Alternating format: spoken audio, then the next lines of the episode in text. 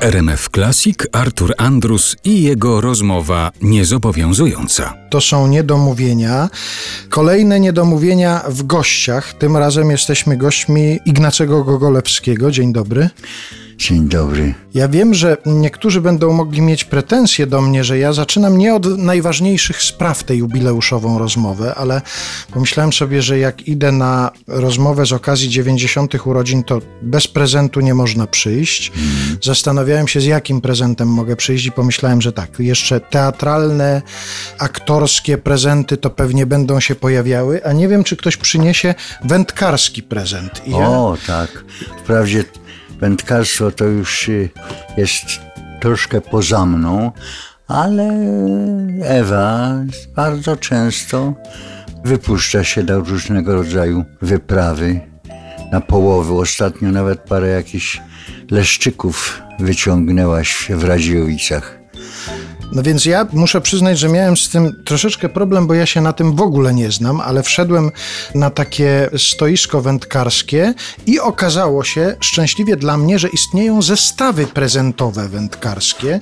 Tu jest wymienione, że tu są błystki wahadłowe, błystki obrotowe, przynęta gumowa, krętlik z agrafką, główka igowa i przypon Arnold. To mnie najbardziej zaintrygowało. No, to już jest, że tak powiem, następna epoka, bo ja zaczynałem od jednego spławika, drugiego spławika, prawda, no i robaczki, robaczki, a, ale rzuciłem parę razy błyskiem, nawet y, karpia, 3 kg, 3,5 kg karpia wyciągnąłem, także mam jakieś sukcesy wędkarskie. Bardzo, bardzo dziękuję. Z przyjemnością. Będę to kontemplował, proszę pana, w momencie, kiedy zakończymy naszą rozmowę. Dobrze.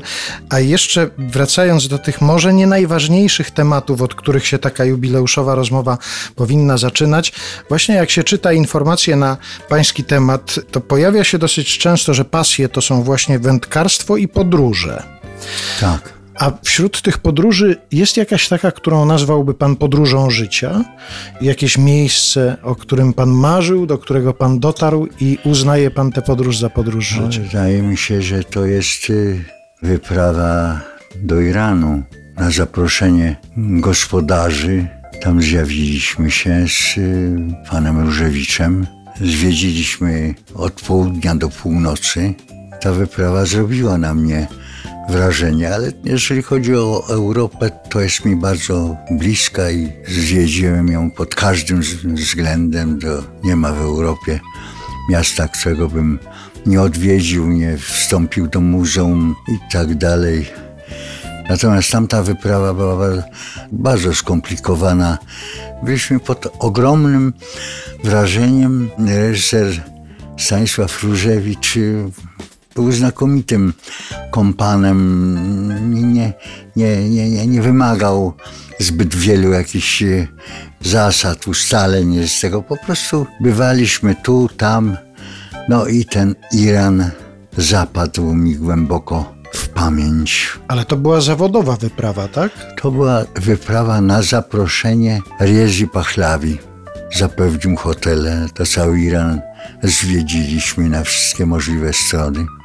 Tutaj świetnie zachowywał się Stanisław Różewicz, to człowiek niesłychanie pogodny, jasny. Brałem udział w jego dwóch filmach. Z wdzięcznością go wspominam, nie mówiąc o tych wyprawach, o które pan pyta.